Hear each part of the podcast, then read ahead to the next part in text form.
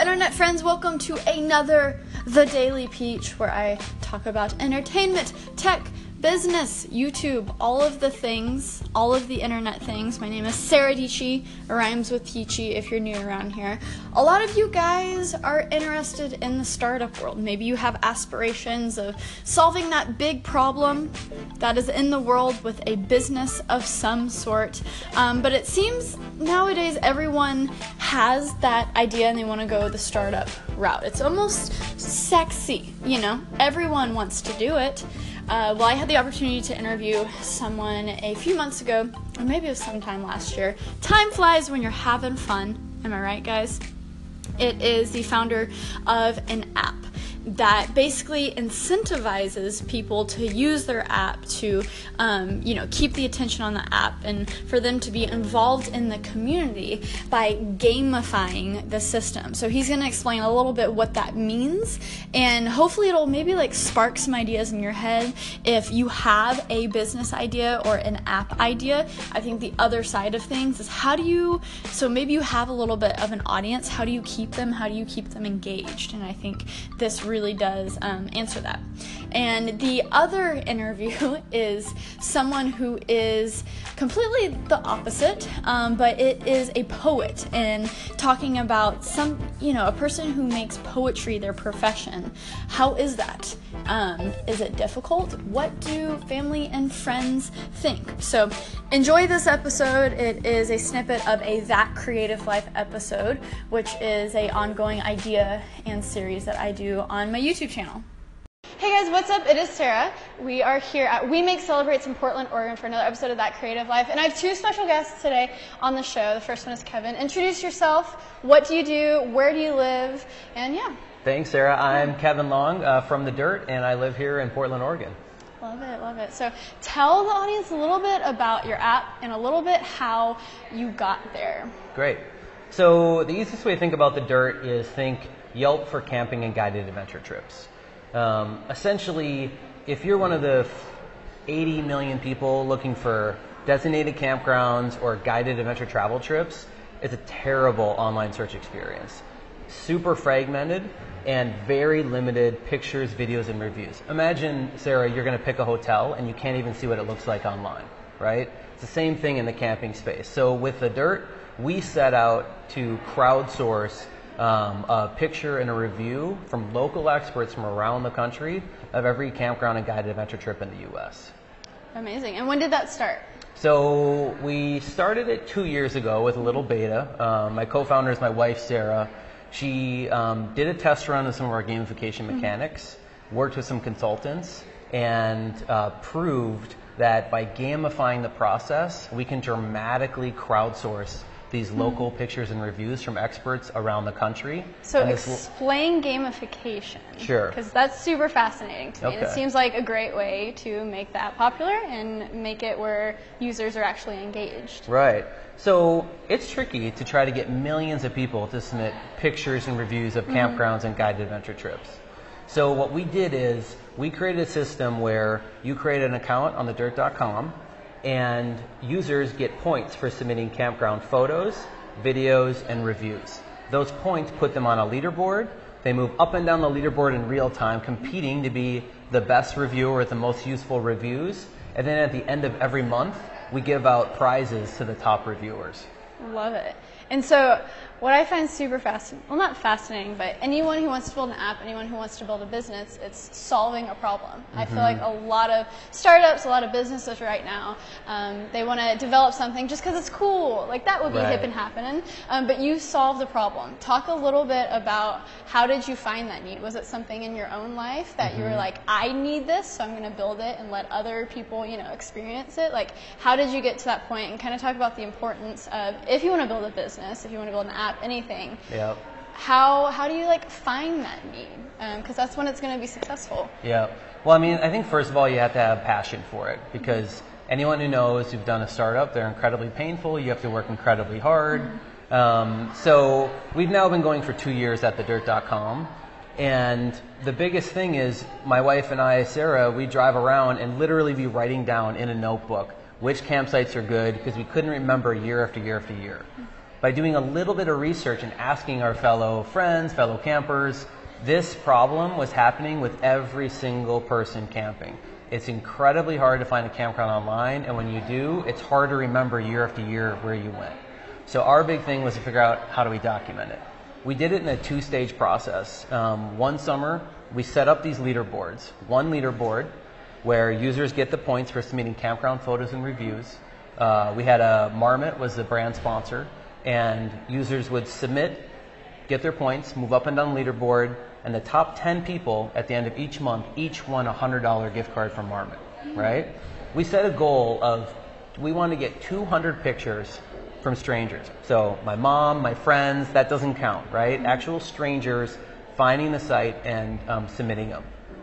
Sarah, we got over 2,000 photos and videos submitted in less than 30 days. Jeez. Yeah. Okay, well, let me stop you right there because instantly my mind goes to, and a lot of people who probably have ideas about startups or whatever, is how do you find your audience? Right. Like, how do you get, sure, you have a great idea, Yeah. but how do you make the people come to you? I Yep. mean, are you online internet marketing savvy? Is it, you know, Sure. word of mouth? I mean, how were you successful? How do you set yourself apart from everyone else who has a brilliant app idea? So one thing was doing a, seeding a little bit of marketing out there using a variety of different channels, social media, email, etc.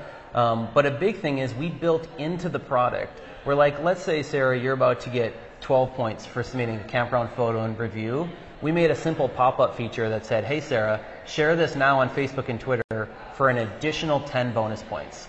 Almost everybody shared it because they want the points, because they want to win the prizes. Right. What It's that happens? incentive. Your friends see it, your Mm-hmm. friends come in, your friends start playing, and that cycle starts going on and on and on. And that's one of the reasons we've been to accelerate so fast. Like, if you look at what happened this summer, right? This summer, we built uh, our web app at thedyrt.com where every single state has a leaderboard. Every single state has a brand partner.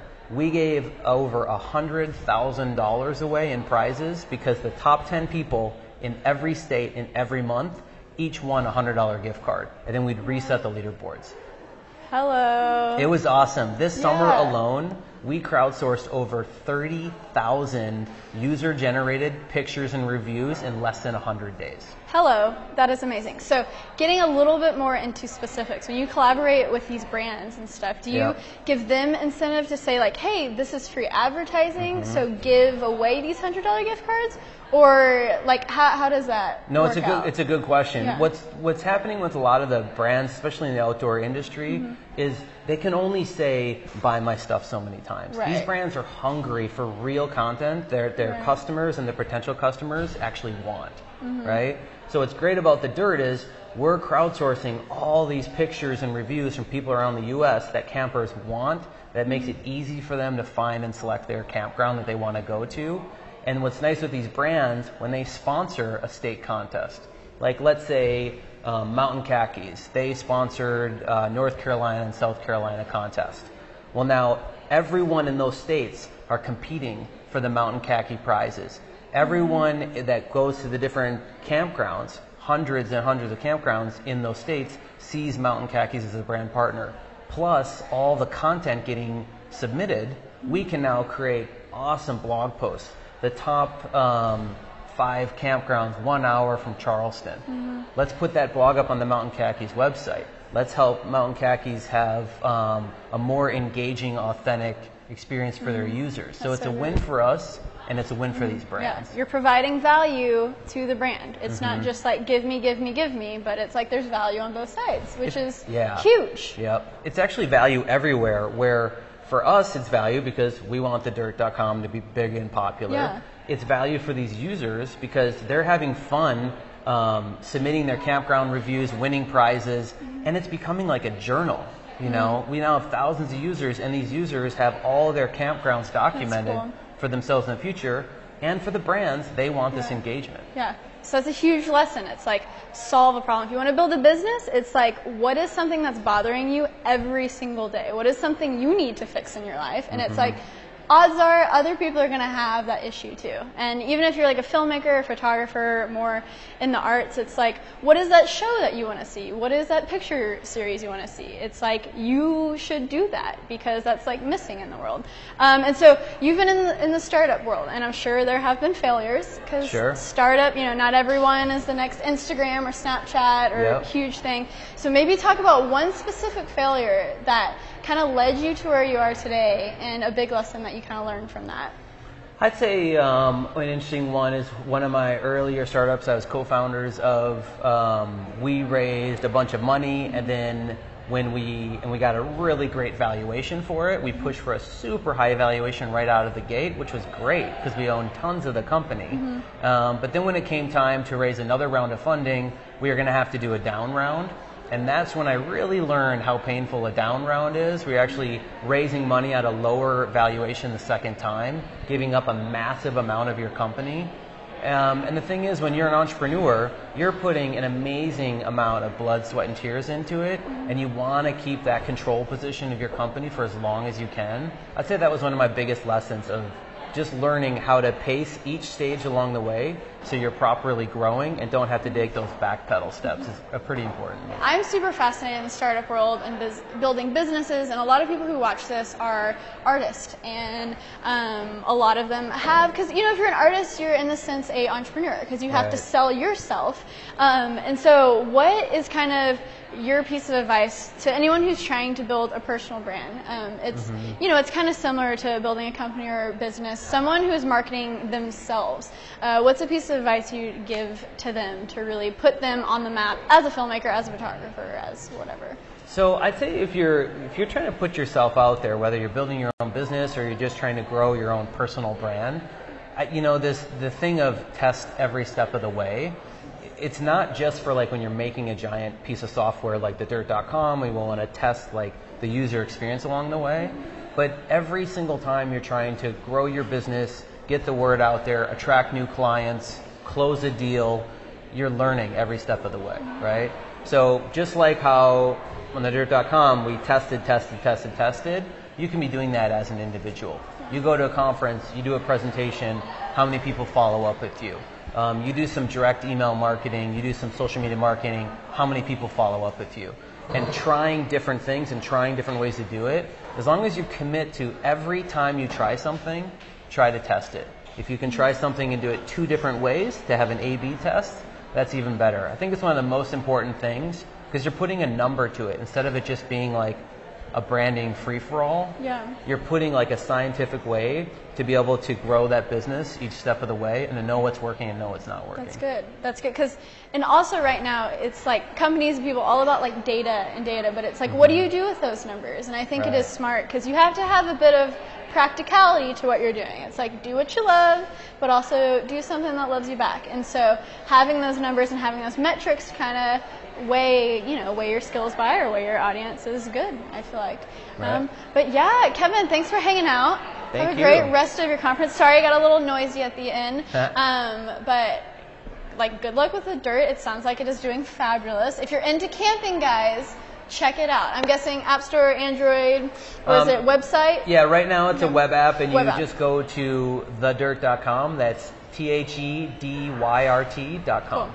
I'm here with my second guest at We Make Celebrates. Introduce yourself. What is your name? What do you do? And where do you live? My name is Anis Mojgani. I uh, live here in Portland, Oregon. I am primarily a poet, uh, and so that means that I write poems and then I travel around and I share those poems, uh, do shows, uh, probably about three to five months out of the year, and the rest of the time I'm at home writing and drawing and doing whatever. Coolest thing ever. Let's just start with being a poet. Yeah. That is so cool.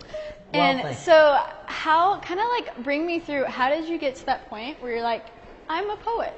I am going to do this for a living. Will do. Did you have kind of outside, like, what was support like? Was your family like, heck yes? Was your family like, you need to go with something maybe more traditional? Or, like, how was that dynamic? Yeah. Um, thankfully, my, my family's always been, been super supportive. Like when I went off to school, I went off to study comic book illustration. Cool. And that was something that they were, there was never like a weird conversation or trepidatious conversation of them being like, "Are you sure this is what you want to do?" Like they were like, "Oh, you want to go to art school? Awesome." And um, you know, that's something that I've always been thankful for. That grew up in a house and an environment that always um, recognized the importance of of the arts and and honing and supporting that with me and my siblings in any way that, that my parents could. Um, and so, with regards to, to me and my relationship with poetry, I when I went off to school, I had just started writing writing poems. I had taken a creative writing class, and it kind of gave me a new and different way to explore my creativity, uh, which up till then had always been been visual. And um, going to school to study visual arts, um, writing became something that was sort of like a, a retreat or an escape from from classwork.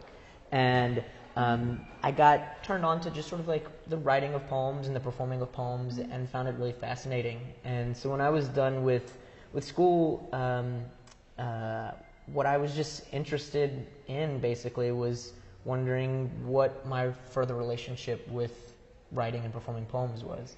And so I just kind of turned myself in that direction and focused on that, and you know followed that. And over the the, the years that followed um, that decision, found myself with with certain opportunities that led to other opportunities, and then I guess now about ten and a half years ago, I was uh, yeah I'd been in Portland for maybe like a year, two years, and I was working at a, uh, a coffee shop over on Alberta Street and uh, working in the catering department of the Oregon Zoo and had some opportunities to just sort of go to university and do a show. And so I took a step away from those jobs and was like, oh, if I can do this, you know, for a month, then maybe I can do it for six months. And if I can do it for six months, then I can do it for a year. Like, And why not? Then keep on going. And so, yeah, that was Yeah. two and a half years ago. And you're doing pretty well. I'm do- I eat better as a poet than I ever ate as a barista or a cupcake icer. That is So, a great quote you know. right there. I love what you said when you're in school. Poetry, writing was kind of your escape. Yeah. And that's kind of something that I've found now that, uh, you know, luckily, gratefully, making videos, doing my internet thing is my job and it's awesome. But for so long, it was my escape. It was my like safe haven when I was in college, when I was doing school. And it's just so fun when you're doing it, when it's like you're not supposed to be doing it. Like I'm not supposed to be doing homework right now, but I'm making this dope video.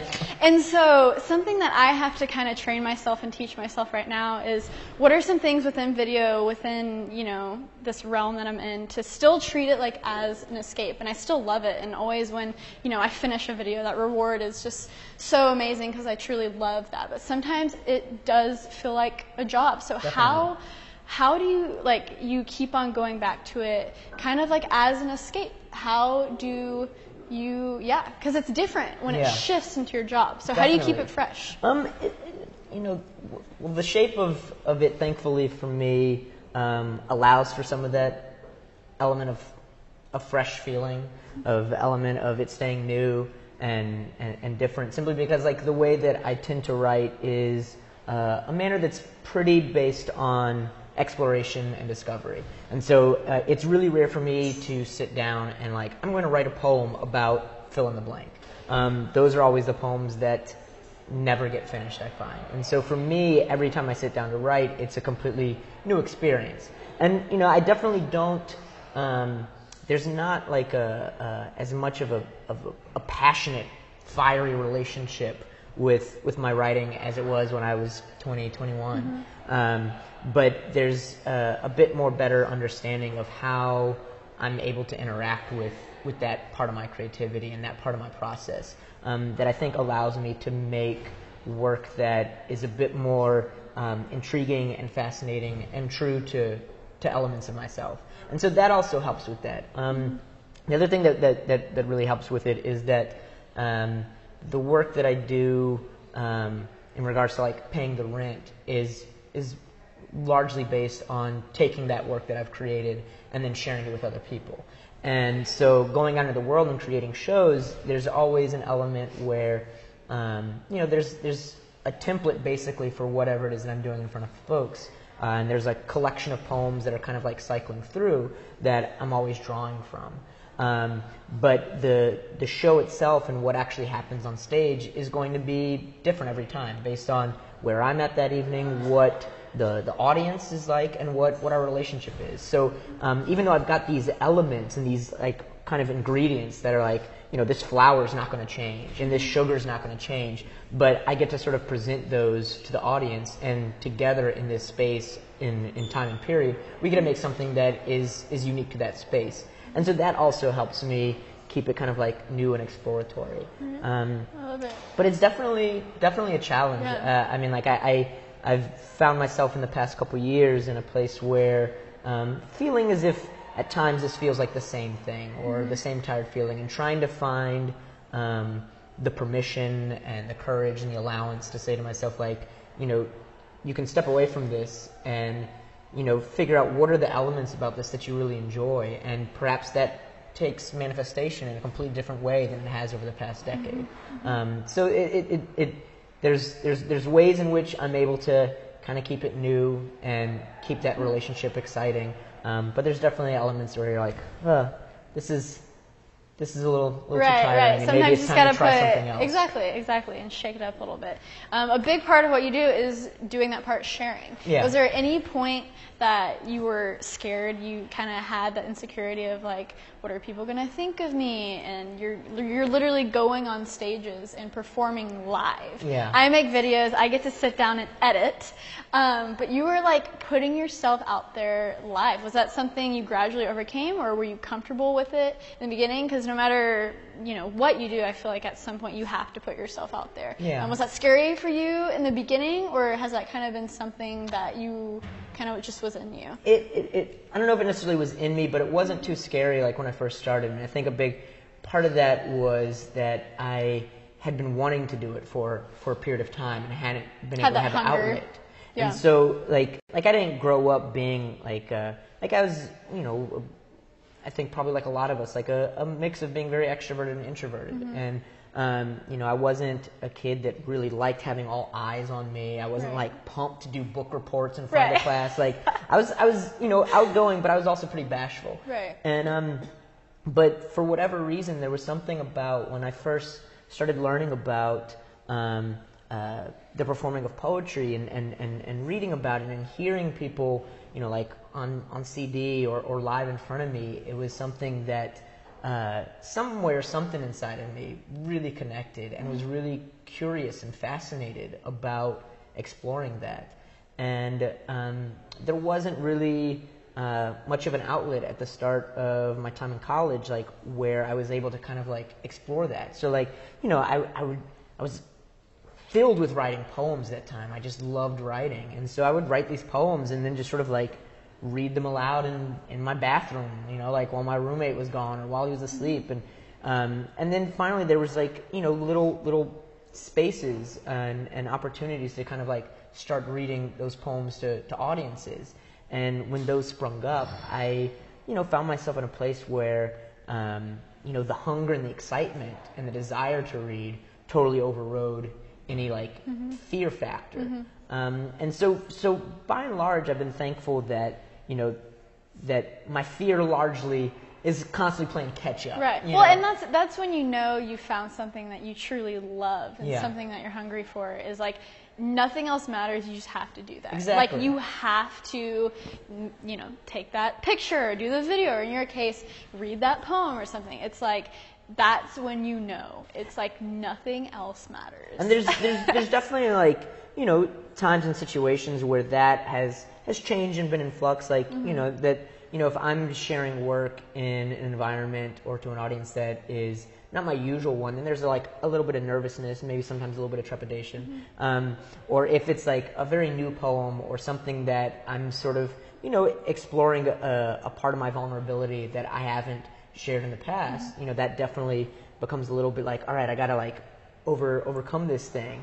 And there's definitely like um, you know how I perform my work now is is very different than how I perform my work five years ago, ten Right. years ago, fifteen years ago, and um, a lot of how I perform now has come with you know I, I I feel that I felt comfortable before, but there was still definitely like certain walls that I was For trying sure. to traverse.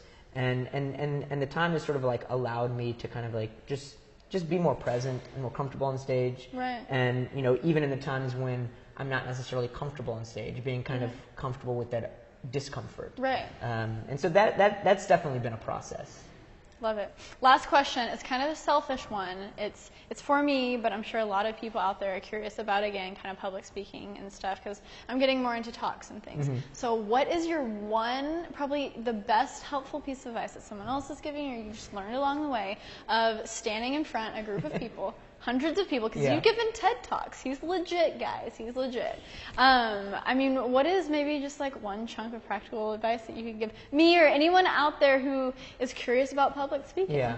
Um, you know, like I think like the two things that help me sometimes come back to is that like at some point, you know, you get on stage and at some point you'll come off the stage. Like it's not like, oh, I got to stand up here forever. Forever. You know, like this is it. I gotta like if this is uncomfortable, it doesn't matter. I'm here Right. for eternity. Right. Um, you know, so it's going to pass. And and the other thing is that like I've found that largely any of the fears that we have about speaking in front of people, um, none of those are things that come to pass. Whatever we fear is going to happen, um, it it largely will not happen. Um, and even if just sort of like a taste of it does, whatever that fear is, um, is, is, is not going to pretty much come from anybody in the audience. And, uh, um, you know, most people in an audience are um, either in the same place you are about being like feeling kind of hesitant or strange about standing in front of people, um, or they're really curious and they're there for a reason. Like they want to hear whatever it is that a person has to give to them. Um, and so I, I, I, I tend to remind myself of those elements. You know, if ever there's a time where I'm like, oh man, how do, how do I do this? You know, it's like, well, I only got to be up there for like this period of time. Right. And then I got to go back You're to whatever I'm confident in your skills, confident in your Yeah.